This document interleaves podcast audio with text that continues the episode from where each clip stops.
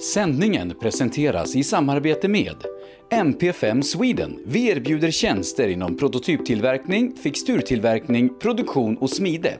På hemsidan mp5sweden.se kan du läsa mer om oss och vår verksamhet. Nybe AB, med bas i Småland är vi verksamma i södra Sverige med byggentreprenad för såväl stora som små projekt, för industrier, större fastigheter och villor. Tillsammans erbjuder kompetens inom byggnation, projektledning, planering, VVS, plåtslageri och kringtjänster som till exempel leverans med kranbil. Vi har även ett komplett byggvaruhus i Eneryda. Nybe är totalentreprenör som kvalitetssäkrar ditt projekt från idé till verklighet. Läs mer på nybeab.se. Nu har vi på rallyshop.se tagit nästa steg och breddat verksamheten ytterligare med den nya och mer kompletta webbshoppen apex.se. Vi har även tagit över ga1.se samt gpartners.se och hela utbudet finns på apex.se. Rally, racing, drifting, folkrace och all annan motorsport. Produkterna du behöver inför din nästa tävling finns på apex.se. Välkommen till Rådek! Vi är ett kunskapsföretag som arbetar med revision, redovisning och beskattningsfrågor. Våra kunder är företag inom de flesta branscher. Genom flera års erfarenhet har vi på Rådek lätt att sätta oss in i de flesta frågeställningar som uppkommer. Vi samarbetar med Sveriges ledande rådgivare inom våra kunskapsområden. För dig som är företagare vill vi på Rådek vara det självklara valet. Så precis som vi sa i början, välkommen till Rådek! Drive VXO för dig som trivs bakom ratten. Utbildning, event och konferens. Trafiksäkerhet, motorsport eller bara kul på hjul. Drive VXO because driving matters.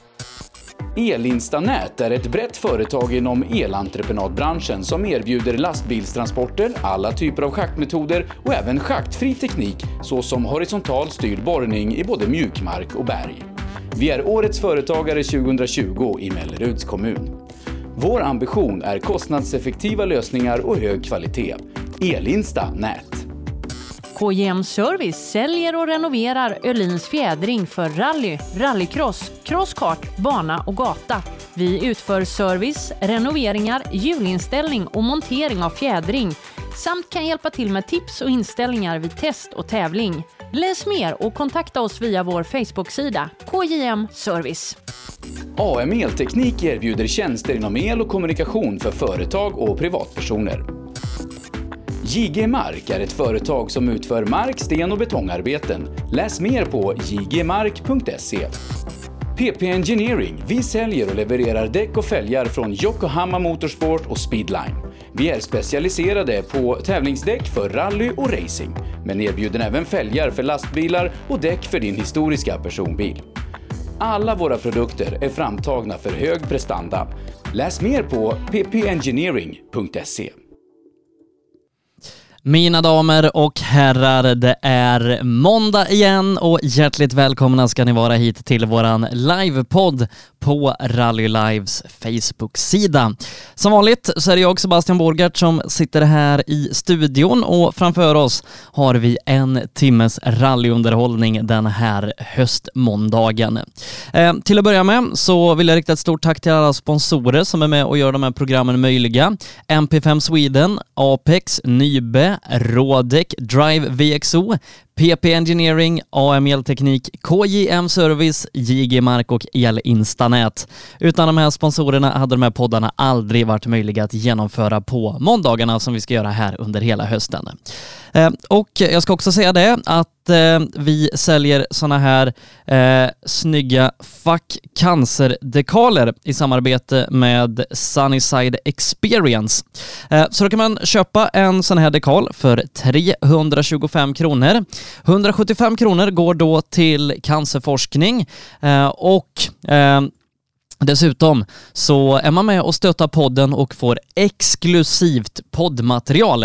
Eh, och eh, här innan helgen så fick eh, de som hade köpt sådana här dekaler sedan tidigare en exklusiv intervju med legenden Björn Nalle Johansson där han gick igenom lite av sina äventyr i VM, EM och berättade en del spännande historier kring legenden Anders Kulling.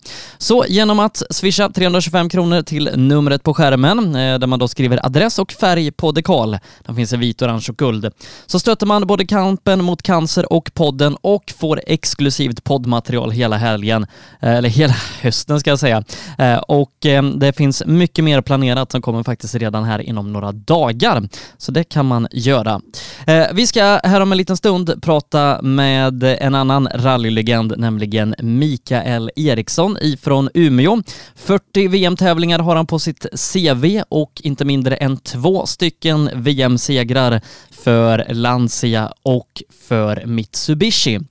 Och det ska vi prata mer om alldeles strax, men först så ska vi börja i SM-finalen i rally som kördes i Sandviken och få lite tankar därifrån de ja, vinnarna och medaljörerna.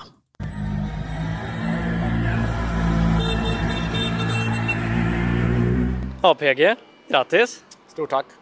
Det måste kännas bra att stå här utanför och göra en sån arena som svensk mästare. Ja, absolut. Eh, det här trodde vi väl inte när vi började året riktigt eh, med den starten där. Men sen eh, när vi bestämde oss för att växla upp och köra och kom med ett bilbyte som fräschade till allting så och lite stolpe in i Hässleholm när Adielsson försvann så ja, då var ju fighten öppen för en, för en guldfight. Och att komma ut högst upp i en sån fight, det måste kännas bra. Ja absolut, vi vet ju vad, man har ju kört mycket bil genom åren men eh, klart de sista åren har man ju inte tävlat aktivt. Så det är kul att kunna vara med och fortfarande visa att det finns lite fart där eh, fortfarande. Får man blodad tand inför framtiden? Ja, när det gäller bilsport får man ju alltid blodad tand så det så är det absolut. Sen är inte det samma sak som att det är självklart att det blir en fortsättning eller så. Det är ju det är en stor bit runt omkring det där som ska fungera och man ska få ihop ekonomin till alltihop också. Men det kanske går bättre när man är svensk mästare? Ja, det, sämre blir det ju inte. Du, grattis och en sjukt bra säsong! Ja, tack så mycket! Tack. Ja, Kristoffer, det, det blir en bra avslutning på den här säsongen. Ja, det blir kanonavslutning. Jag är jättenöjd. Uh, att få vinna de två sista där, det var ja, det är jättekul, men nervös på sista så vi gjorde lite misstag ändå. Men... Uh, du, hur har det varit den här fighten haft med Jari hela året? Ja, Robin var sista. Uh, fight har varit skitkul. Det är ju det som har varit. Uh, det har ju varit kniven på strupen och full fight. Och, uh, det har varit kanonroligt. Har varit. Utvecklas man som förare när man har en sån motståndare som du haft i Jari och ett par andra? Ja, det gör man. Uh, Robin där också och Mats och alla har jagat så det är ju bara att åka på. Så det, man höjer sig nog ett par snäpp varje tävling känns det som. Eh, nu, nu, vet jag ju att som tävlingsmänniska så är det guld man vill ha, men att ändå få hänga en medalj kring halsen, det måste kännas bra. Ja, men det känns jättebra att göra det. Sen vi hade väl velat ha den här fighten in i mål givetvis. Jag kan inte säga något annat, men jag är jättenöjd med silver och med året och hur det utvecklats. Så det är, det är gött. Alla kompisar har ställt upp och hjälpt till och Ida har gjort ett kanonjobb i högerstolen. Så jag är jättenöjd med våra prestationer under året. Liksom. Men nu då när det gått så bra, då kan man inte gå tillbaka till Volvo original? Jo, det är precis det man kan. Det är ju det bästa som finns där. ja, vi får se vad som blir nu. Men eh, ja, vi får se nästa år. Det är ju lite sydligare tävlingar nästa år så jag vet inte. Vi får se vad det blir. Vet att Boden är premiär? Ja, men förutom Boden då. Fast han är väl lite norrut, även för oss då, som bor i Torsby. Du Kristoffer, grattis till en bra säsong och så hoppas jag vi syns igen. Tack så mycket, jag hoppas jag med. Ja, Pontus, dubbla SM-guld. Ja, nej, men det känns helt fantastiskt att ta det tredje året i rad nu. Så att, ja, vi är jätteglada. Eh, tre segrar av tre möjliga. Bra säsong. Ja, nej, men SM har gått jättebra. Det var samma i Hässleholm, där vann vi väl alla sträckor också tror jag och samma idag. Men ja, det var synd på sista sträckan att den var struken. Det var lite konstigt avslut, men ja, vi vann ju så att det är skönt. Eh, det här är ju en av de tuffaste klasserna. Vad är det som gör att ni har lyckats så bra i år? Nej, jag vet faktiskt inte. Nu tycker jag den här bilen känns jättebra och sen tävlingen här uppe, det är kul när det går väldigt fort och får man till det då, då går det att åka riktigt hårt. Så att, ja, det har gått bra i år. Eh, som sagt, två guld i år, eh, fyra totalt. Eh. Det börjar bli en bra prishylla hemma.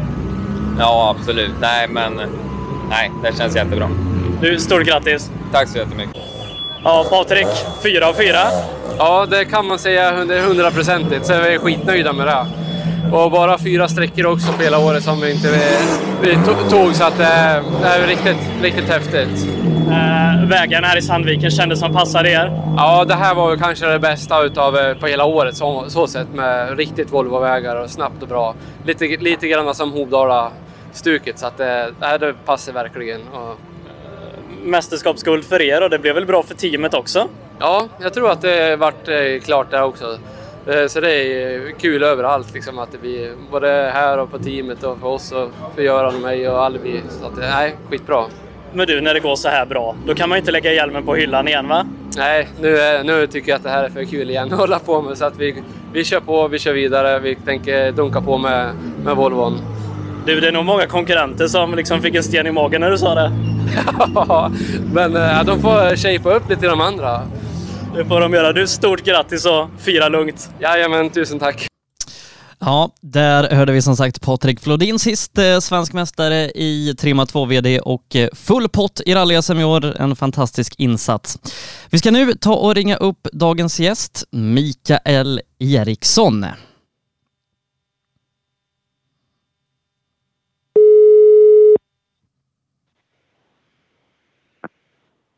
Eriksson. Hallå, hallå, det var Sebastian Rallyradion här. Tjena. Tjena, tjena. Hur är läget Mikael? Mycket bra. Här, härligt, härligt. Eh, du, vi ska ju snacka rally här idag. Eh, hur, hur liksom mycket håller du på med rally, håller koll på rally nu för tiden? Jag följer VM i alla fall, eh, tycker jag. Mm. Det hinner jag göra sen jag slutar själv. Mm. Eh, liksom, har, har du kvar rallyintresset? Det, det kanske Absolut. aldrig går ut liksom? Nej, det går aldrig ut. Oj, oj, oj. Du uh, förstår inte. Jag, jag tänker vi ska börja i, ehm, börja i rätt uh, ända och, och börja från, från starten. Hur började du med rally? Jag egentligen började köra bil när jag satt i knät på en kompis och vi körde en Volvo Amazon på isen. Och jag var, för, jag var 11 år och var för kort. Jag nådde inte ner till pedalerna. Därför satte jag knät på honom. På isen på vintern alltså. Och det var så det började ungefär, intresset att, att få igång det. Sen tävlade ju min pappa också så det var ju det som var första, att det ville bli lika bra som honom. Uh, och uh, ja, hur bra var pappa om han ville bli lika bra? Ja men Norrlands mästare. Ja. På, på den nivån. Mm. Eh, det, det, har väl varit liksom eh, under din uppväxt ganska mycket bilar, dels med pappa som höll på med rally, men, men också med, med firman som du själv är, är liksom väldigt aktiv i idag. Absolut, det är det. Det är hela tiden med alla våra varumärken. Mm. Eh, när liksom började du tävla själv i rally? Ja, när jag fick körkort var väl eh, 78 ungefär. Och... En Golf. Ja, precis. Jag började med en Golf i Grupp A, framhjulsdrivet. Mm. Körde här hemma i Norrland. Mm. Och uh, hur gick det i början? Ja, men alltså, jag tror att det gick ganska bra. Jag blev någon uppkastad. Man började som C-förare på den tiden i alla fall. Mm. Så jag blev avförare på kortast möjliga tid. Då. Och, och det liksom gav ju blodad tand att prova någonting mer i Sverige då, till att börja med. Eh, hur, hur snabbt gick man liksom från, från att tävla mer lokalt och regionalt till att ja, gå upp i SM-klasser och så vidare? Ja, det var ju liksom... Eh, för, när jag vann alla tävlingar här, här uppe, då får jag när jag skulle åka SM, och det glömmer jag aldrig, för det var ju världens käftsmäll. För att eh, jag tror det blev 124. Och då hade jag inte något problem. Då förstår jag liksom och det var en grustävling. Jag hade väl i stort sett inte kört så mycket på grus. Utan de flesta tävlingar här uppe hos oss gick ju på snö och is. Hur, tar man en sån grej och ja, men... blir 124? ja, vad tror du? Man bryter ju ihop fruktansvärt. Ja. Men det är ju det är bra också att man kan göra det och komma igen och det var faktiskt enda fördelen att, att det är långt hem man ska åka hem. Vi har ju så långt till Norrland, vi ska åka till tävlingar söderut. Men då får man ändå tid att fundera på livet. Och då hinner man ju ladda om och ta ny energi. Han du både sluta och börja om med rally under resan ja, hem? ja, säkert. Miljoner. Man vill ju bara man tror inte att det är sant. Det är som en för mjuk. Så, ja, på riktigt. Eh, men, men hur, ef- efter, eh, om man får benämna det lite som, som ja, du gjorde en käftsmäll, eh, vad, vad var nästa steg efter det för att komma vidare? Ja, men eh, det var ju liksom att det var att, att prata ihop med mina kollegor. Ganska mycket Stig Blomqvist och Ola Strömberg på den tiden. De hjälpte till mycket att hur jag ska tänka och ladda mentalt, tror jag att det var mycket. Och, Och sen, sen är det ett stort steg att gå från regional till, till SM också. Det är ett stort steg. Men det var ju liksom... Det var också att, att gå från eh, snö och is till grus. Så att det, liksom, det var nästan nytt för mig mm, då. eh, när började, om man ska säga framgångarna på, på den lite högre nivån komma? Ja, men det kommer bara... Eh, jag kommer inte riktigt ihåg det, men alltså jag tror jag blev juniormästare i rally två gånger. 81, 83 tror jag att det var. Jag kan mixa åren lite grann där, men typ där. Mm. Ja. Eh, så att eh, då hade jag ändå fått, då, då, det bevisar i alla fall att då har man fått upp farten på alla underlag som fanns i Sverige i alla fall. Mm. Eh, hur, var det liksom att åka SM där i början på 80-talet? För, för du nämnde ju ett par namn där eh, som, som eh, dels haft eh, stor internationell framgång men, men också eh, mycket på, på hemmaplan. Eh, Vilka tampades man med där i, i början av 80-talet? Ja, men det var ju de här herrarna som var eh, största motståndet. Sen fanns det ju, det, det var ju väldigt många som tävlade i varje tävling också på den tiden. Det var ju kanske nästan 200 startande i, i varje tävling. Ja. Så att liksom, eh, kampen var ju mycket tuffare än det kanske är idag när det är 50-60 i varje klass. Och när började dina tankar växa från, från Sverige och, och utanför liksom landets gränser? Ja, men det var väl på inspiration av Stig Blomqvist som sa så här, alltså gör inte samma misstag som jag som har vunnit SM 25 gånger. Han överlever, men många gånger. Utan att stanna kvar i Sverige och köra, utan ta chansen att flytta ut alltså, och prova tidigt. Så 85 när jag vann jag ju SM och, och då lyssnade jag på vad han sa och så flyttade jag till England. Och då, och då bodde vi i samma hus där i England, jag och Stig Blomqvist. Eh, Han har ju varit som en mentor för mig när det gäller liksom psykologisk krigsföring. Jaha. Ja, liksom på, på, på den tiden eh, kunde man likställa det, ja, kanske inte riktigt, men, men med krigsföring, för, för det var väl riktigt hårt på den tiden? Ja, det var ju eh, mycket längre tävlingar och sen, sen eh, framförallt längre sträckor. Alltså, ja, väldigt långa tävlingar. Lång, lång, jag tror eh, något RAC-rally körde 44 timmar. Det finns säkert någon som har kört längre än det också, men utan att sova. Eh, Du, jag tänker vi, vi ska hänga kvar lite i början av 80-talet innan vi, vi hamnar i England där. Eh, 81 tror jag det, så körde väl din första VM-tävling när du kör Svenska rallyt. Ja, just det. Eh, Anders Steven Audi. Hur- Hur var det att, att köra VM för första gången? ja, men då hade ju pappa då skaffat en kartläsare åt mig som skulle bromsa mig. För jag ville ju åka fullt i varje sväng. Och eh, det var ju mot min vilja. Eller alltså du förstår. Att jag jag vill, hade en annan tänk. Jag var ju så ung och eh, ville ju bara stå på. Men pappas övertygelse var att, att, eh, att jag behövde mera kilometer i kroppen. För innan jag ska öka på och köra riktigt fort. Mm.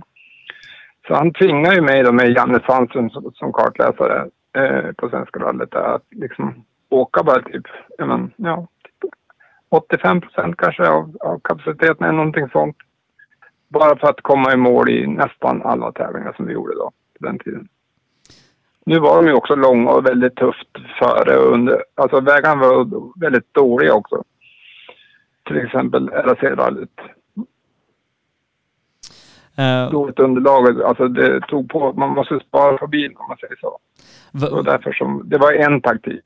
Va, var, det, var det nyttigt för dig när du liksom eh, har facit i hand och ser ja, de framgångar du har haft att, att Ja, bli alltså, bromsad? Jag hatar, ju- jag hatar ju det då.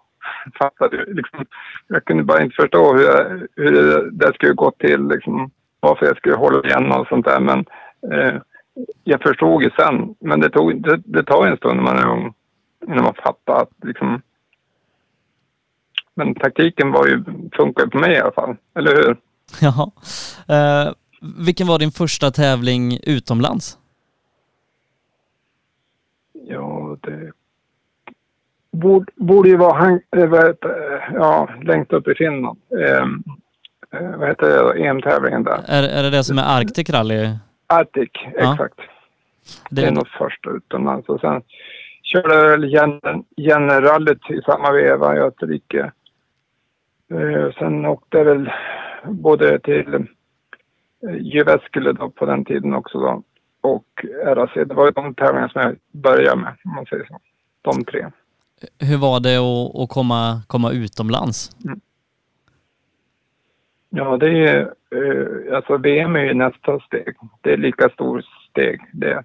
Alltså som att gå från regionalt. Så var det för mig i alla fall. Mm. Så det tog ju lång tid innan man fick upp farten. Verkligen. men, Kan hålla den. men, men om det var liksom en, en liten käftsmäll att komma till första SM-tävlingen, hur, hur var det liksom att köra en VM-tävling utomlands med, med ganska lite erfarenhet? Ja, det är samma sak. Precis samma sak. Man, man, man liksom slutade med man rally fick ju så mycket stryk så liksom man trodde Varför ska man hålla på med det här överhuvudtaget? Mm. Eh, Men vad, vad, vad motiverar en att, att fortsätta att satsa i, i de lägena? Ja, det var mina kompisar, närmaste familj. Pappa och hade brorsan som tävlade också som var med och meckade åt mig mycket på när vi körde de här tävlingarna som jag pratade om här i början på 80-talet. Eh, Du, du körde ju där ett par år då mycket i, i eh, Audi. Var, var det liksom i, i privat Mm. regi eller hade man, man stöttning från märket på något vis? Från början när det var juniormästerskapet då, då var det privat regi helt och hållet. Sen när det blev SM där 85 då fick vi, det, det hette teamet Team VG Sweden och, och, då, och då åkte jag ju några VM-tävlingar med både SM och VM-tävlingar med det. En del tävlingar i Tyskland och sånt där också. Det var inte VM på den tiden, men det var några tävlingar som vi körde där nere också för att få mera erfarenhet på asfalt. Så inte vi hade någonting här uppe. Hur, hur var det liksom att, att ha den, den stöttningen i, liksom ifrån Audi på, på ett sätt? Ja, det var, alltså, man kan ju säga så här, det finns en till grej som jag måste berätta om det här med Audi. Mm. Eh, när Stig Bunkers vann VM 83 va, i en Audi Quattro. 84? Det var jag och brorsan Martin, det var vi testförare under tre år före. Så vi körde liksom 1500 mil med test med de här bilarna som hade 500-600 hästkrafter. Eh, och sen körde vi Grupp A när vi tävlade hemma då, eller vart vi nu for och tävlade. Det var en jäkla mycket körande och eh, kastande mellan olika bilar. Mellan olika system. Hur var det liksom att, att hoppa till en Grupp A-bil efter att ha, ha suttit i, i en sån extrem bil? Ja, det var ju... Ja, man får som är helt och hållet ändra körsättet. Det är som att flytta från en fyrhjulsdriven bil till en framhjulsdriven bil om du förstår vad, vad jag menar. Eh, exakt det stora steget. Det. Eh, Blev man på något sätt liksom, eh, bilkörning är alltid bra, men, men just att ha, ha kört sådana extrema bilar och sen gå till motorsvagare, hade man liksom nå- någon nytta av att det var lite enklare och kanske gick lite, lite saktare när man, när man hade kört det så extrema? Det var ju samma fyrhjulsdrift 50-50 som det var på den tiden. Det är fördelning på den, den som Grupp A-bilen och Grupp B-bilen som, som vi testade då. Så att på det sättet var det enklare. Men det är klart att, att, att effekten, den enorma effekten som kom. På den tiden var ju turbon jättestor och långsam i responsen. Så att det tog lång stund innan du fick den där fulla effekten. Eh, så att det var som en, en, en, en gummisnodd kan man säga. Ganska långt på den tiden. Mm. Kommer du ihåg första gången du, du liksom startade på, på en teststräcka eller så i en Grupp E-bil? Självklart. Eh, eh, de gjorde ju 0 till 200 på 9 sekunder på grus i axet alltså. Ja. Mm. Eh, Men, men innan du körde, fick man liksom åka med då eller var- det liksom eh, chocken första gången du släppte upp kopplingen? Nej, men chocken när man släpper upp kopplingen. Mm. Och, och redan på, eh, på Stig Wonkes tid i Audi, då eh, körde jag och Martin den här dubbelkopplingslådan som finns i nästan alla bilar idag, standardbilar idag. Men då, då höll ju, det var ett Porsche som höll på att testa den på Audis bil. Så vi körde jättemånga mil med den också.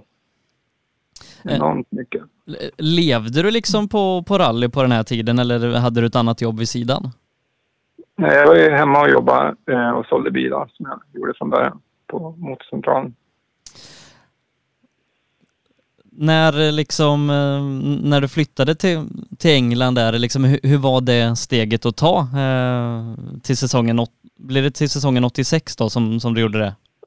Ja, det var ju liksom den här tragiska dödsolyckan med Henry Toivonen i Lanza som, som gjorde att jag fick chansen att gå vidare då.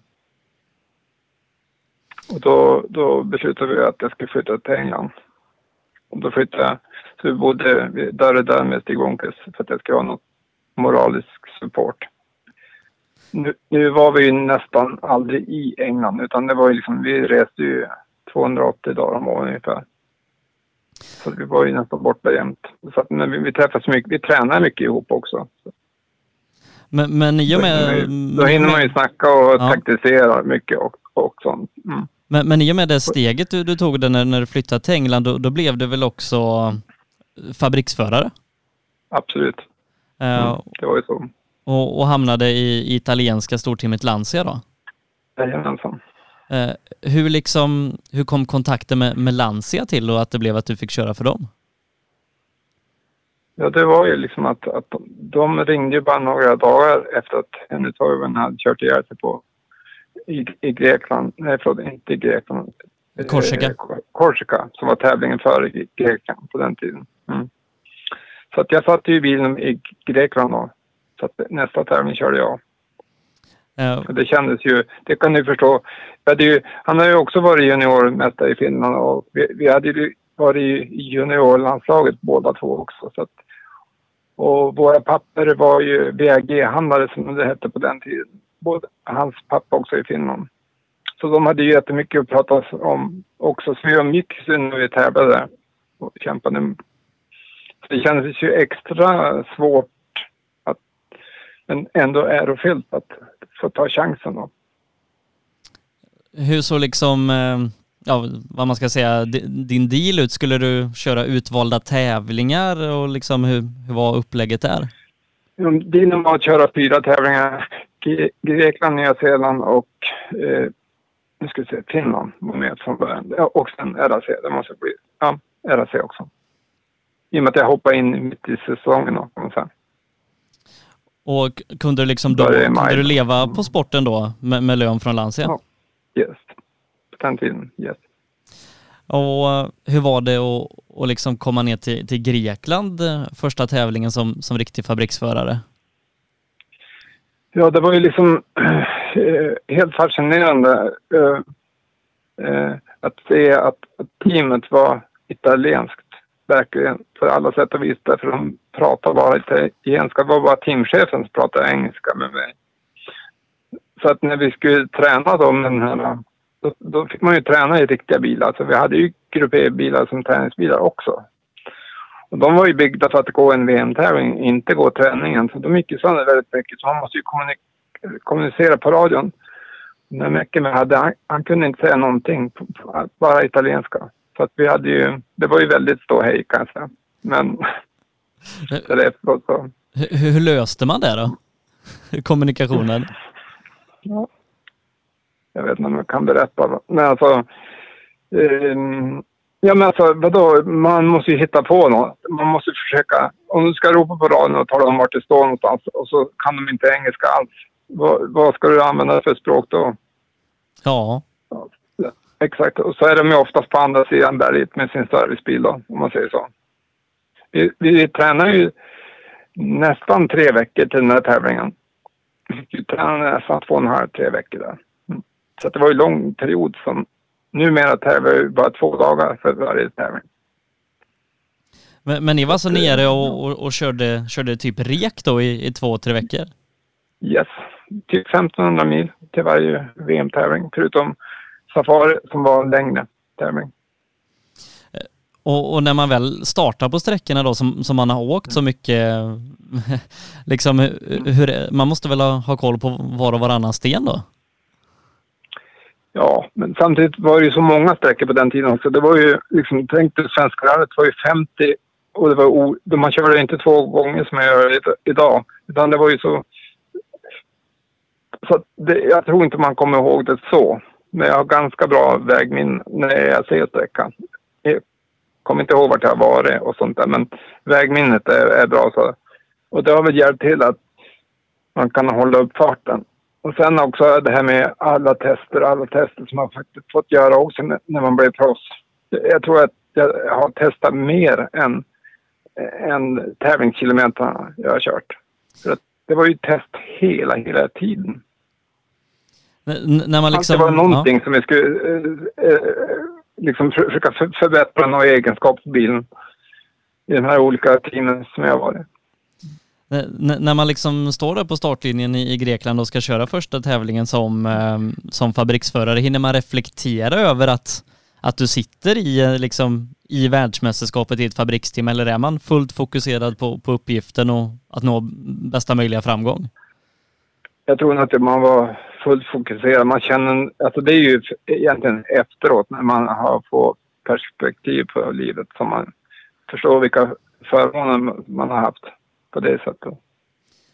Hur, hur, gick, hur gick det i mm. Grekland, första tävlingen med Lancia? Jag blev väl totalt utskälld och så bröt jag med att stötdämparen gick sönder. Och då skrek de på radion att det är väl ingen tanks du har. Hur går, man, hur går man vidare från, från en sån grej och fokuserar? Ja, de skyller ju bara på mig då, naturligtvis. Men, eh, ja, men då måste man bli ännu bättre och tänka sig för ännu mer. Då. för det, det handlar ju... När man kör i, i Grekland, till exempel Grekland är ju så otroligt dåliga vägar på så att man kan inte åka fullt överallt. För då, då klarar man sig inte i mål. och man måste vara också taktisk.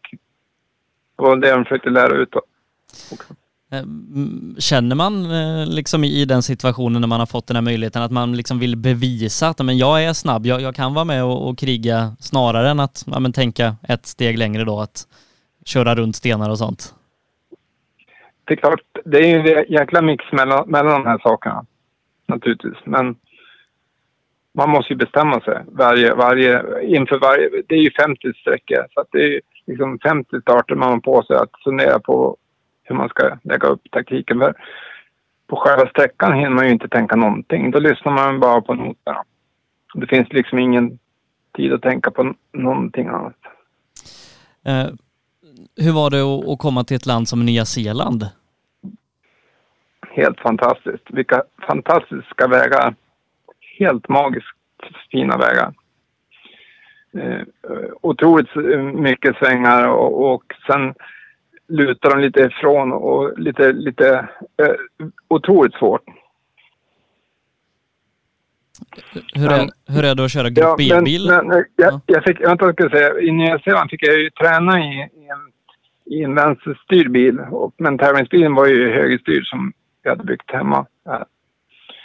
Så att, eh, och det kändes när man kom, det, det var svårt och, och då hade jag för dålig fart direkt. Så jag tyckte inte noterna stämde alls det var bara en sån reaktion alltså, som fick mig att reagera efteråt att jag ska krävt en, ha fått en, en högerstyrd bil också att träna i.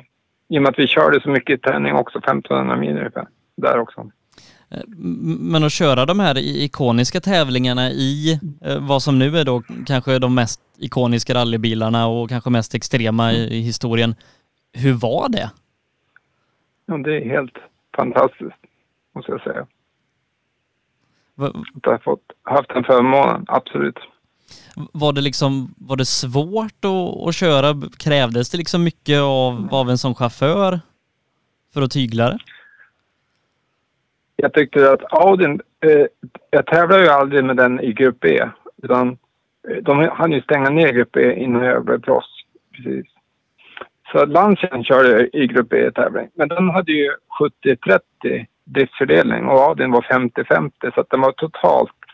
Han kändes ju som en Amazon för mig att köra. Alltså som en bakhjulsdriven bil. Absolut. Och det var otroligt liksom... Tänk dig vad- de här enormt mycket mil hade kört i den här 50-50 fördelningen. Och så sätter man sig i, i, i, och när den är 50-50 då kan man i alla fall dra på väldigt tid i kurvorna, i alla kurvor. Mm. Men- Och ha mycket fart, alltså för mycket fart in i kurvorna. Ta, ta sig ut och rädda sig genom att trycka full gas då. Eh, men eh, när man kör en, en bil som, som släpper ut bakdelen hela tiden, så fort du bara nuddar gasen. För det var, det var ju både eh, turbo och kompressor på den. Med, på, på Lancian. Ja. Och den var ju mycket mer direkt för responsen. Den hade inte den här fördröjningen som Audin hade med den här stora turbon. Eh, så att eh, det var ju totalt annan körteknik. Och, och jag måste säga det, första gången jag provkörde den i Italien innan jag åkte till Grekland så fick jag nog tänka om flera gånger för det kändes inte som jag skulle klara av det just då i alla fall. fick man ju bryta ihop igen. Fast utan tävling. Eh, men, men var det liksom, eh, vande man sig vid, vid den liksom extrema farten och accelerationen? Eh, det svåra för mig var inte accelerationen, för den var ju enorm och lika mycket på både Audin och på Lancia. Men det var ju väghållningen som, som jag tyckte på Lancian med diffarna och sånt där, det lirar. Det är inte för min körstil i alla fall. Det var svårt att... Men nu fick jag ju bara liksom fyra, fem... Jag bara körde fem tävlingar, sen slutade de med Grupp B. Mm. Eh, Du gjorde ju ett par bra resultat där med, med Lancia redan första året. Jag tror det var fyra på Nya Zeeland och sen femma i, i Finland. Eh, Ja. Det, ledde jag RAC sista tävlingen också. Eh, tredje dagen till och med. Och turbon for. Mm. men men liksom den, den debutsången, eh, debutsäsongen, eh, var, var Lancia nöjda? Men jag kan ju berätta att inför RAC-rallyt som var min femte tävling med Lancian det året och sista tävlingen med Grupp E. Då fick jag sparken kvällen innan tävlingen skulle bör- börja. Och att mina tjänster behövdes inte alls. Eh, och jag, jag pratade med Kasse Bilstam som var min kartläsare på den tiden. Hur, menar, man sov ju inte någonting utan man var ju bara... Ja men vad var man? Ja, uppgiven kan man säga. Ja. Men samtidigt måste man ju ladda för en tävling. Eh, så att det var väl klassen som... Jag var ju yngre än han. Han var ju mer erfaren naturligtvis. Han var ju kanske dubbelt så gammal som jag. Eh, och det var också ett val som Cesare Fiorio som var stallchef på den tiden hade valt honom som en erfaren kartläsare. Men eh, trots den där sömnlösa natten så bestämde vi att vi skulle bevisa att de hade fel. Jag tänkte det är ju en liten chans att, att de hinner se det. Men vi ledde första dagen, vi ledde andra dagen och tredje dagen ledde vi fortfarande. Och då fick jag bara ett samtal att jag skulle passera Italien innan jag for hem. Då hade de liksom... Eller det var en test förmodligen. Men det visste inte jag då. Så skrev de ju två år till. Eller tre kanske. Jag kommer inte ihåg hur många år jag körde med Lancia exakt. Eh, Du körde nog Ja. till 88 va? Ja, det var sista. Eh, och hur var det liksom att ha bevisat så att ja, men jag är så här snabb och sen så får kvittot direkt att man, man får ett kontrakt? Hur var det? Ja, det var just, det var ju värsta revanschen kan jag säga. Tvärtom då mot alla eh, tuffa tider som man haft då. Men absolut. Och sen skulle vi byta till grupp grupp A och det var ju snabbis sen förut också. Så att det liksom, och då blev det ju 50-50 igen. Så att det var ju, eh, Lancian var ju för mig lätt att komma in i och åka fort i. Som, som var grupp A. 87 och framåt. Ja. Jag tror att det blev 400 alltså till och med. Jag var ju något år i Totip också som var också Lancia. deras Jolly Club. De hade ju två team. Ja. Ett, ja, Mart- Martini Racing var ju de som satt på VM och Jolly Club var deras juniorer. Ihop med Alessandro typ Fiore och dot- eller sonen till, till teamchefen. Han körde det där också. Men var det, var det liksom eh, utvalda tävlingar som gällde då eller hur, såg, hur såg det ut där inför 87? Ja, det var en- eh, mitt dilemma under hela den här karriären eh, som, som proffs var att jag fick ju liksom aldrig köra någon säsong med alla tävlingar. För det var ju 13 tävlingar på den tiden. Utan det kommer bara upp i kanske 7-8 starter. Men 87 där eh, så tar du väl din första pallplats i rally-VM på hemmaplan i Sverige? Ja, eh, det stämmer. Jag blev tvåa där då efter Saronen. I, eller hur? Precis. Ja. Jag, gick, ut- jag ledde en halv minut innan, med- inför sista dagen, men, men eh, det snöade och jag orkade inte hålla, hålla tempot exakt. Eller hålla bilen kvar på vägen i det tempot. Mm. Hur, hur var det att få kliva upp på pallen i, i VM? Ja, helt magiskt. Och svenska framför allt. Det är, liksom, det är drömmen det. Det är det man har drömt om. Eh, n- när man liksom gör, gör ett sånt... tillbaka till alla fansen och sig själv och alla löften. Och, ja. Men när man gör ett sånt resultat och så kanske inte då har förtroende för, för full säsong, eh, liksom stärker man sin, sin position i teamet? Eh, alla resultat. Alltså egentligen är det så att, att två andra platser räknas inte någonting. Så att eh, de räknar bara segrar. Ja. Så att de är inte nöjd med tvåa. Det finns inget team i VM som är nöjd med tvåa. Eh, Så att liksom teamchefen, när man åker hiss med, med honom eh, eller henne, jag har haft lite olika, men de har ju liksom, de hejar inte på en om man, på samma kväll. Fattar du? Ja. Men om man vinner, då liksom sticker han fötterna på en, kan jag väl säga så. Då är de så jäkla fjäskig. Tar det liksom lite udden av att man har, gjort ett bra resultat som man kanske själv är nöjd med? Ja, men man kan ju ha gjort en, en, eh, det kan ju ha hänt vad som helst. Så har man gjort en fantastisk eh, tredje dag eller fjärde dag eller en upphämtning eh, som har varit fantastisk på grund av någonting. Ja. Men det, det räknas inte, utan det som räknas, de visar bara statistiken. Ja. Du har inte vunnit här, du har inte vunnit här, du var tvåa, tvåa, trea här. Ja. Det är liksom inte därför de tävlar. Eh, Du tar ju... Det- Ja. Ja, det är fortfarande så. Samma vis, samma tänk. Och man får inte, man får inte riktigt samma grej heller i teamet. Om den, de favoriserar ju alltid en som får senaste grejerna. N- när du tävlade i i Lancia, vem var det liksom som var första förare då? Det var väl Carlos Sainz. Och så sen, från början var det väl Marco Allén också som jag körde något år eller två. När vi gick från grupp B till grupp A.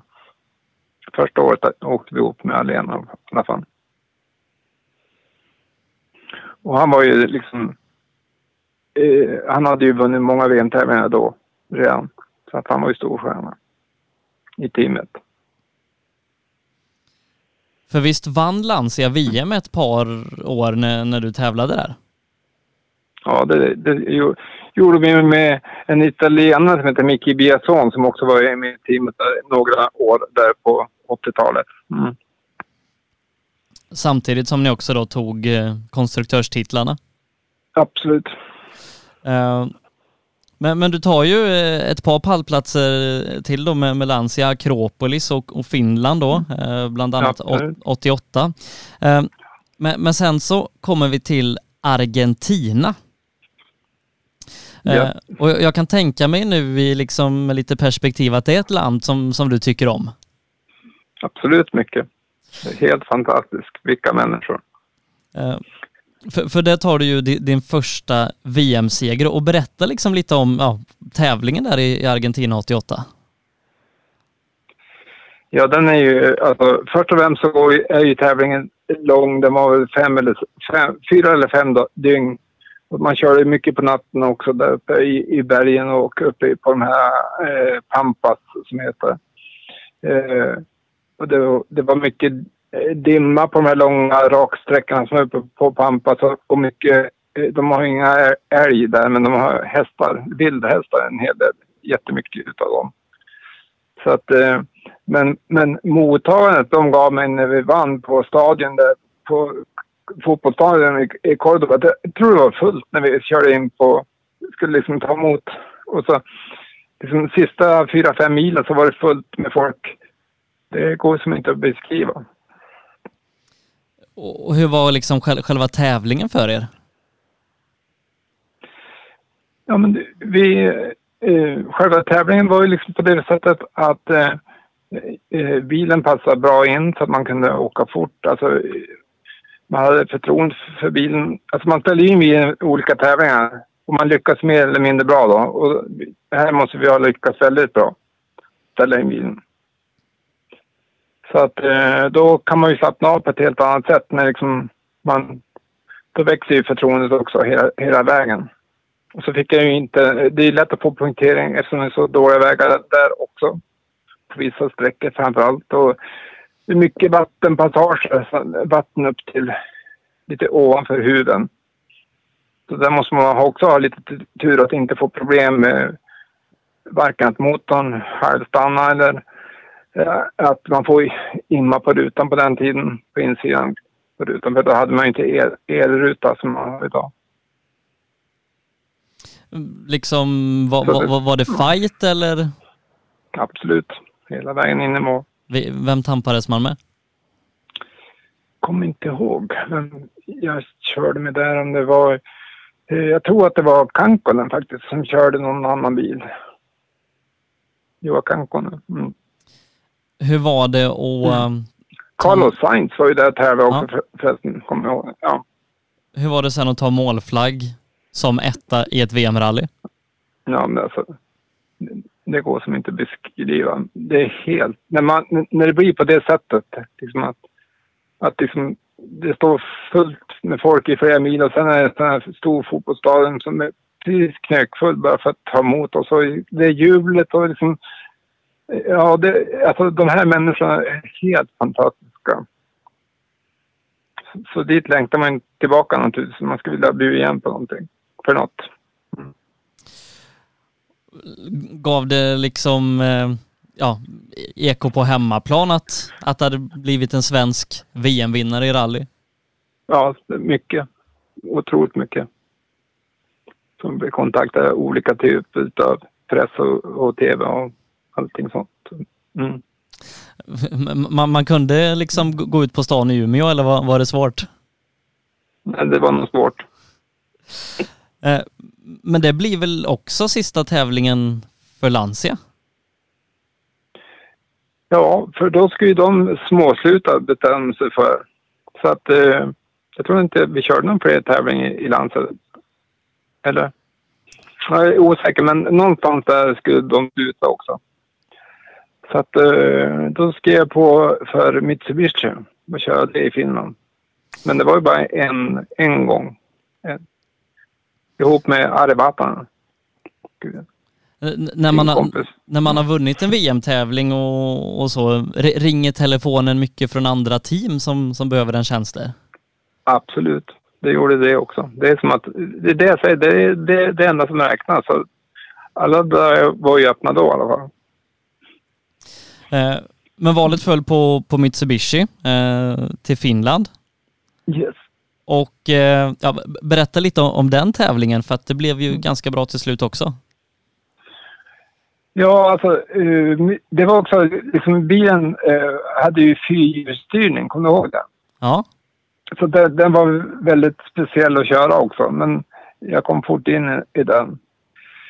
Och sen vanligt i Finland är det ju en jäkla kamp och alla försöker åka mycket fortare än vad som går. Så att liksom, det var ju många som körde bort också. Det måste man alltså, men man ska ju ta sig i mål. Mm.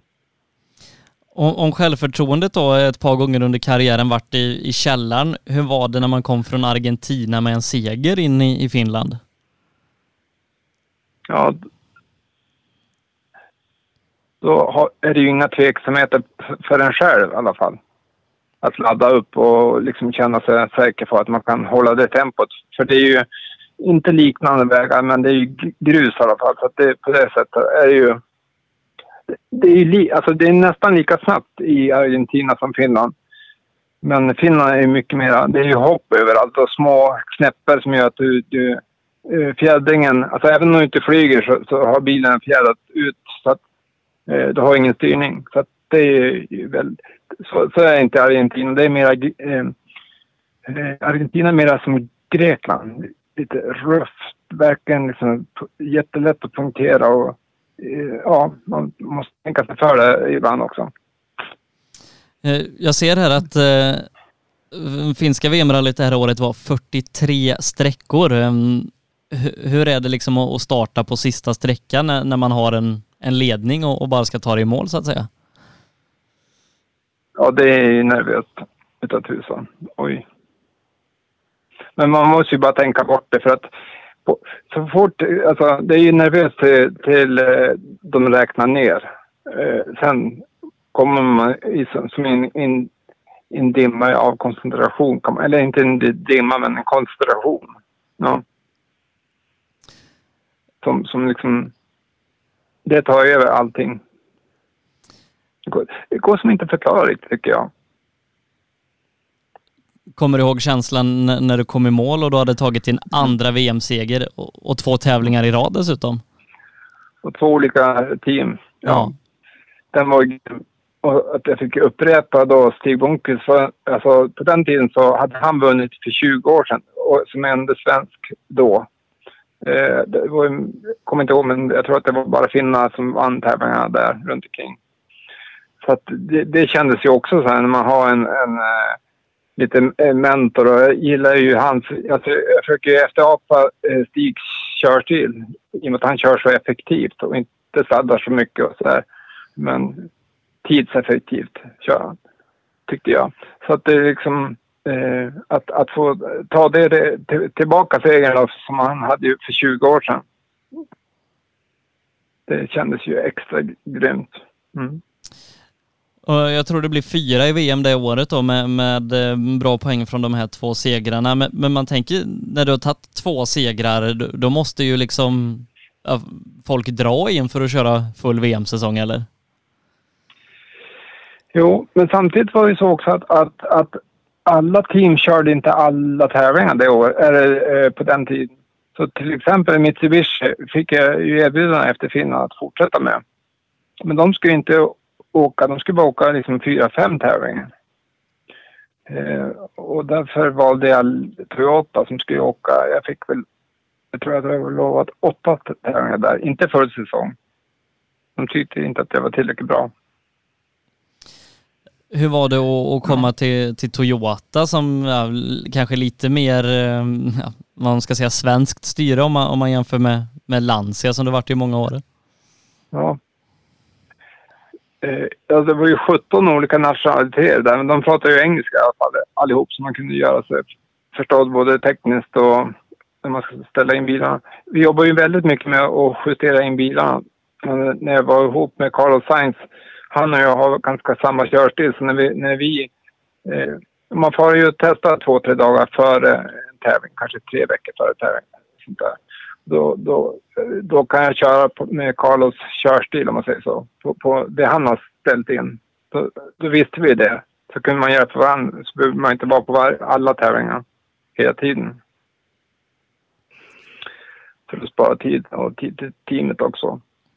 Så det är en fördel när man har två förare. Det är likadant tänker jag. Jag brukar, jag brukar vara bekymrad ibland när man ser när man vet att till exempel eh, du har ju eh, Löv körde väldigt fort i Citroën och så tog ju vem kom dit? Finnen kom till Citroën. Uh, Mikko Hirvonen gick dit. Mikko Hirvonen, exakt som är kunde vinna vilket VM som helst och var så nära att vinna. Alltså precis bara så här.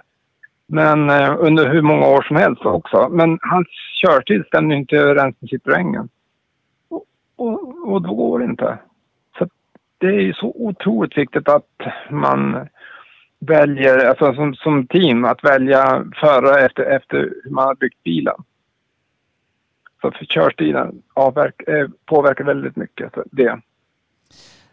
Um, hur var liksom de, de, de sportsliga tävlingarna med, med Toyota de, de åren du körde där? Um, kan du förklara vad du menar? Ja, men liksom, ja, gick det bra? Ehm, var du nöjd? Fick du, fick du köra bra tävlingar och, och uppnå bra resultat? Absolut, men jag hade ju velat åka, åka hela VM som jag har kört om VM, VM-segern naturligtvis. Men eh, Eh, däremot så fick jag ju med Toyota, fick jag ju Safarirallyt som en tillsammans med Björn Wallegård körde jag också för Toyota då när det gällde Safarirallyt. Så han skulle ju lära upp mig i det då när jag var nykomling i Kenya. Och vi spenderade de här tre åren jag var på Toyota eh, 11 månader i Kenya bara för att testa för Safarirallyt. Bara för test. Mm. In och ut, in och ut, två, tre veckor, test, test, test, in och ut.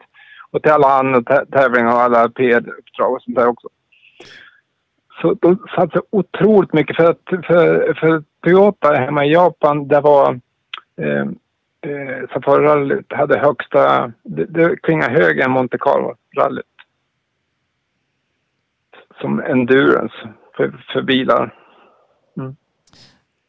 Liksom, nu har inte Safari-rallyt gått till VM på, på många år och ehm, ja, de flesta förarna idag har inte fått köra rallyt. Nu skulle man gjort det i år innan det blev som det blev, men vad utmärker Safari-rallyt? Ja, men först och främst är det ju... Eh, eh, det är inte avstängt. Alla kilometer är ju öppen väg.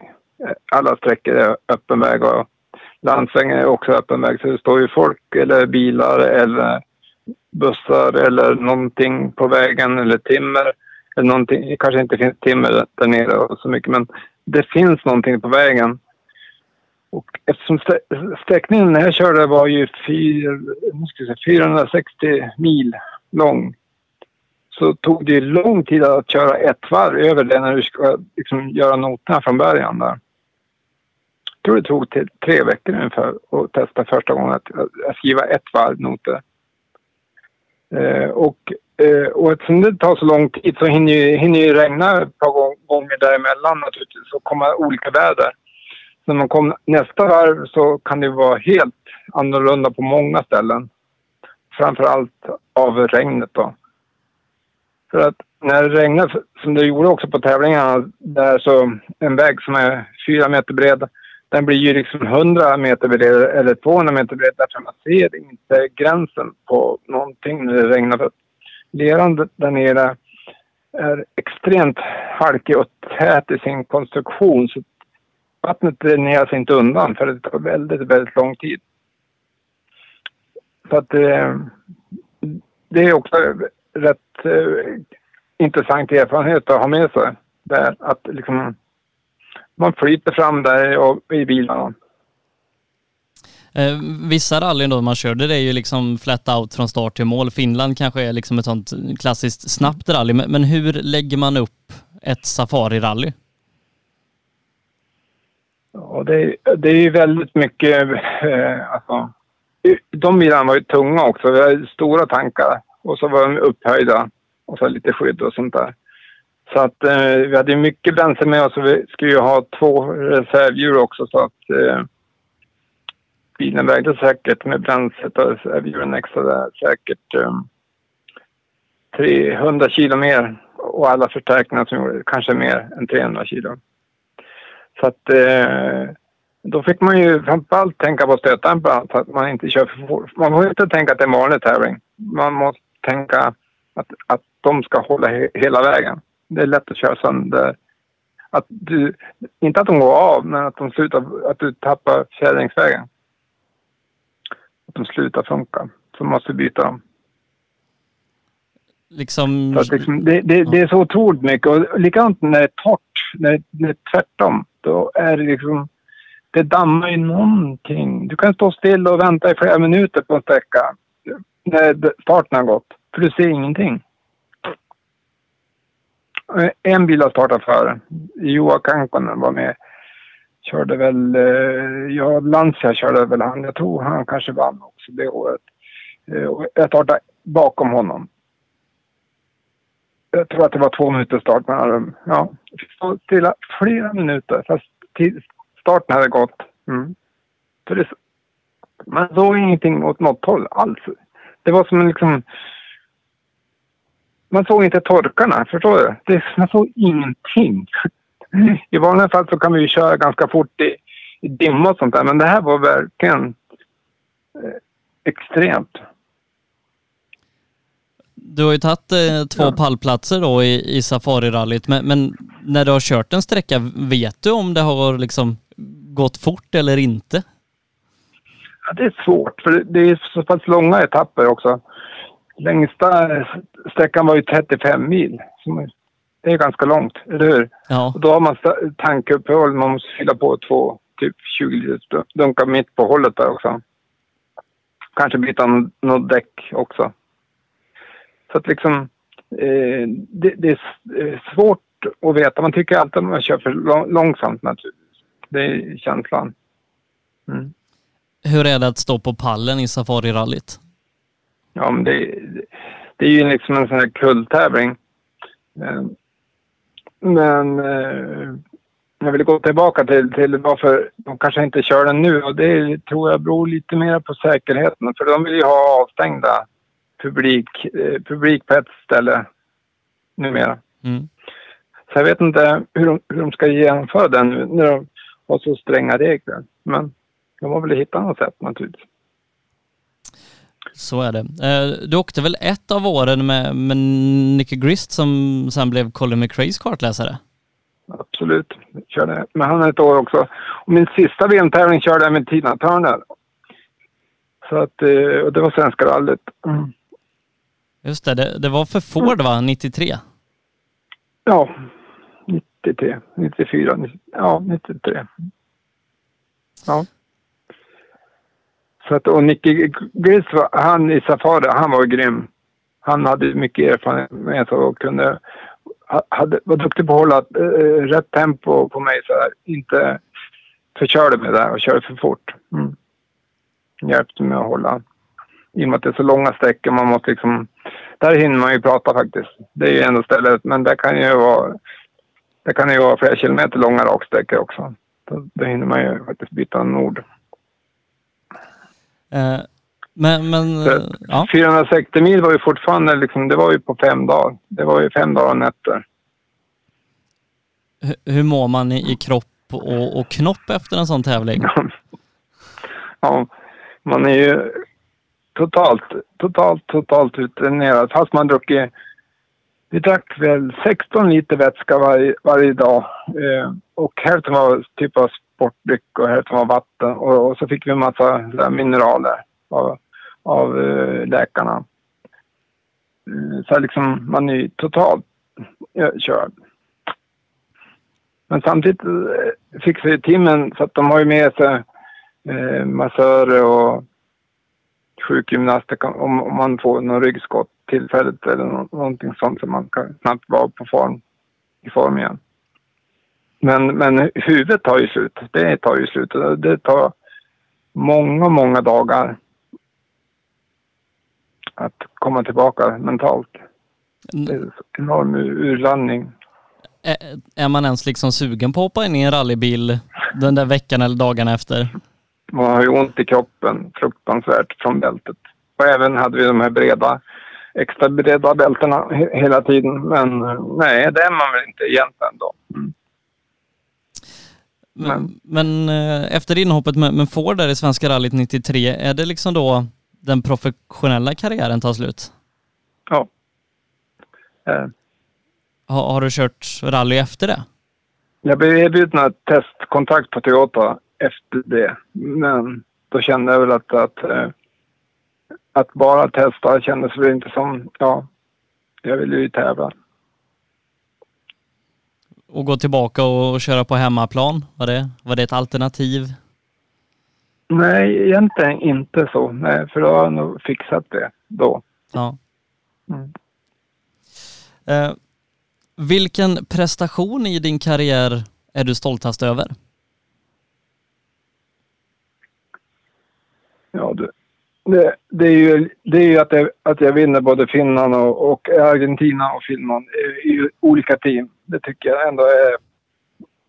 Det är ändå det som känns mest, ja, totalt. Vilken är den häftigaste plats som du fått besöka tack vare rally? Ja, det måste väl vara Nya Zeeland. Alla kategorier. Mm. Och vilken, vilken är den bästa bil som du kört? Rallybil? Bästa, det var ju eh, svårt, men, eh, ja, men alltså, det är ju ändå S1, Audis S1. Mm. För den har både väghållning och effekt. Mm. Halvdåliga bromsar, men effekt och väghållning var... Så att liksom, det räknas ju för att man kan åka fort. Mm. Ja. Men bromsar är ganska skönt att ha kan jag tänka mig med, med en sån raket. ja, men, I Monte Carlo är det utför där, liksom det är 18 kilometer utför krokigt och, och, och, och, man måste börja pumpa på bromsen varje gång man tar på bromsen. Ja, det är halvjobbet då. Mm. Det kan jag tänka mig. Men det går ju. Man måste ju lära sig det, ja. Mm. Eh, har, har du liksom dina rallypriser ståendes framme hemma eller är de förpassade till, till någon låda någonstans? Eh, de bästa priserna står hemma som Finland och eh, Argentina. Och de andra är inlovade. Ja, vänta på någonting.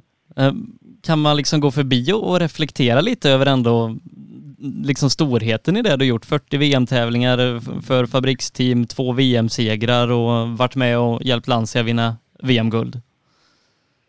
Ja, men det är klart att man är tacksam att man har fått uppleva det. Men det är ju liksom när man eh, kommer upp i åren som man kan tänka så, tycker jag i alla fall. För det känner man ju inte när man höll på eller strax efter man slutade. Inte jag i alla fall.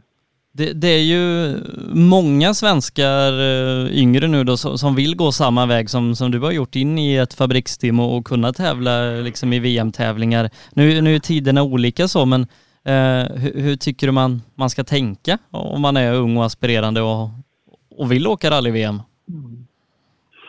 Ja, men det är, man måste ju komma så man får, får tävla för teamen. Så man måste ju hitta sponsorer som gör att man får, får liksom chansen att visa upp sig. Det är bara så. Det, det finns ju bara det. Mm. Och inte bli tvåa då? Utan vinna? Ja, exakt. Vinna i, i den kassan åtminstone. Du, men, ja. men är, du, är, du, är du ung och liksom påläggskalv, då kan man ju faktiskt både få köra av och sånt där. Bara man visar sig att man är snabbare än de andra, då spelar det ingen roll i det läget. Men sen är du rutinerad och ska, då ska du vinna, inte två. Förstår du skillnaden? Ja. Uh, ja. vi, vi, har ju en svensk just nu som är ganska duktig på det, uh, Oliver Solberg, så vi, vi får väl se uh, om han och de andra kan, kan lyckas. Och, bli svenska VM-vinnare igen. Det var ju ett tag sedan sist. Absolut. Vi håller tummarna från och ja, alla andra också. Tideman finns ju med där också. Jajamän, så är det. Du eh, Mikael, du ska ha jättestort tack för att vi har fått prata om din fantastiska rallykarriär den här kvällen. Tack så länge. Du, har det jättefint så, så hörs och syns vi kanske på en rallytävling framöver igen. Tack så mycket. Yes, det gör vi. Tack. Ja, mina damer och herrar, där pratade vi med Mikael Eriksson, 40 VM-tävlingar, två VM-segrar, har kört eh, fabriksrallybil framförallt för Lancia men även Audi, Mitsubishi, Toyota, Ford och, och lite därtill. Jätteroligt att få höra hans karriär och eh, insikter och lite sånt ifrån den här då eh, framgångsrika karriären. Vi ska med det faktiskt börja runda av dagens avsnitt. Ska också se det att vi säljer sådana här snygga Fuck Cancer-dekaler som man kan köpa och sätta på tävlingsbilen eller eh, ja, sin vanliga personbil för den delen också. Finns i vitt orange och guld. Eh, vi gör det här i samarbete med Sunnyside Experience och eh, 175 kronor går till cancerforskning som Sunnyside Experience väljer ut och vi har redan faktiskt samlat in väldigt mycket pengar eh, för att bekämpa den här fruktansvärda sjukdomen. Eh, men man får inte bara en sån här snygg dekal om man eh, skulle vilja ha en sån, utan man får även mängder med exklusivt poddmaterial som intervjuer som den här vi precis hade med Mikael, eh, fast med ett helt gäng andra spännande människor. Så swishar man 320 25 kronor till numret som står där på skärmen 0763 57 12 28 så får man en dekal eh, och dessutom då exklusivt poddmaterial. Eh, gör man det nu då kommer man omgående få en intervju med Björn Nalle Johansson, denna legend framförallt då med, med Opel som, eh, som sitt varumärke han representerade i många år.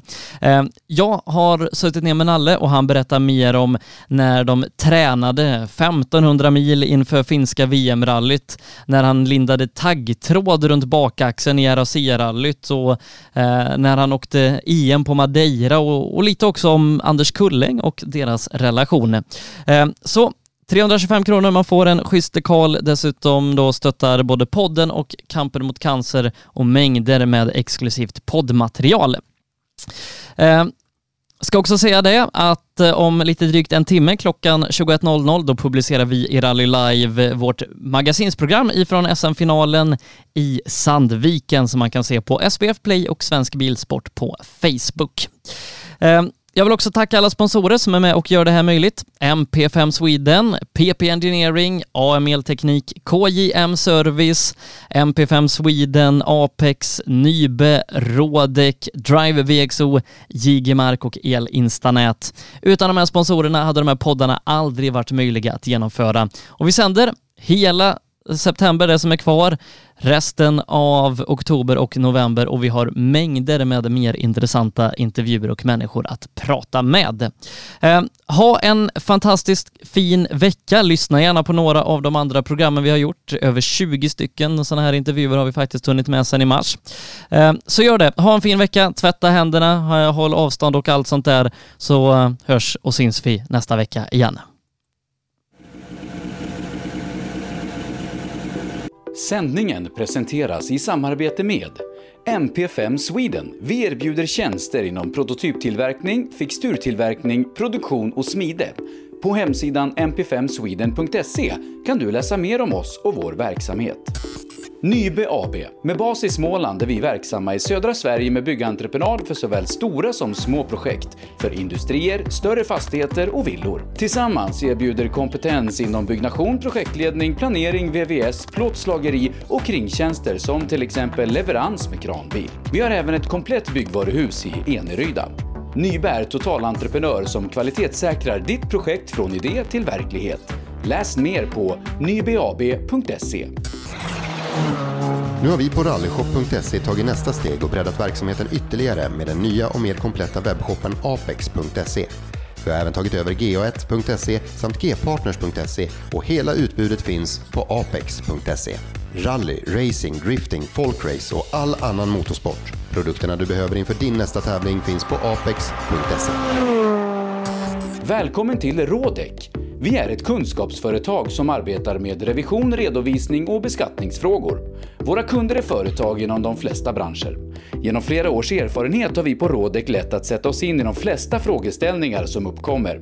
Vi samarbetar med Sveriges ledande rådgivare inom våra kunskapsområden. För dig som är företagare vill vi på Rådek vara det självklara valet. Så precis som vi sa i början, välkommen till Rådek! Drive VXO för dig som trivs bakom ratten. Utbildning, event och konferens. Trafiksäkerhet, motorsport eller bara kul på hjul. Drive VXO because driving matters. Elinstanät är ett brett företag inom elentreprenadbranschen som erbjuder lastbilstransporter, alla typer av schaktmetoder och även schaktfri teknik såsom horisontal styrd borrning i både mjukmark och berg. Vi är Årets Företagare 2020 i Melleruds kommun. Vår ambition är kostnadseffektiva lösningar och hög kvalitet. Elinsta Nät. KJM Service säljer och renoverar Öhlins fjädring för rally, rallycross, crosskart, bana och gata. Vi utför service, renoveringar, hjulinställning och montering av fjädring samt kan hjälpa till med tips och inställningar vid test och tävling. Läs mer och kontakta oss via vår Facebook-sida KJM Service. AM Elteknik erbjuder tjänster inom el och kommunikation för företag och privatpersoner. JG Mark är ett företag som utför mark-, sten och betongarbeten. Läs mer på jgmark.se. PP Engineering. Vi säljer och levererar däck och fälgar från Yokohama Motorsport och Speedline. Vi är specialiserade på tävlingsdäck för rally och racing, men erbjuder även fälgar för lastbilar och däck för din historiska personbil. Alla våra produkter är framtagna för hög prestanda. Läs mer på ppengineering.se.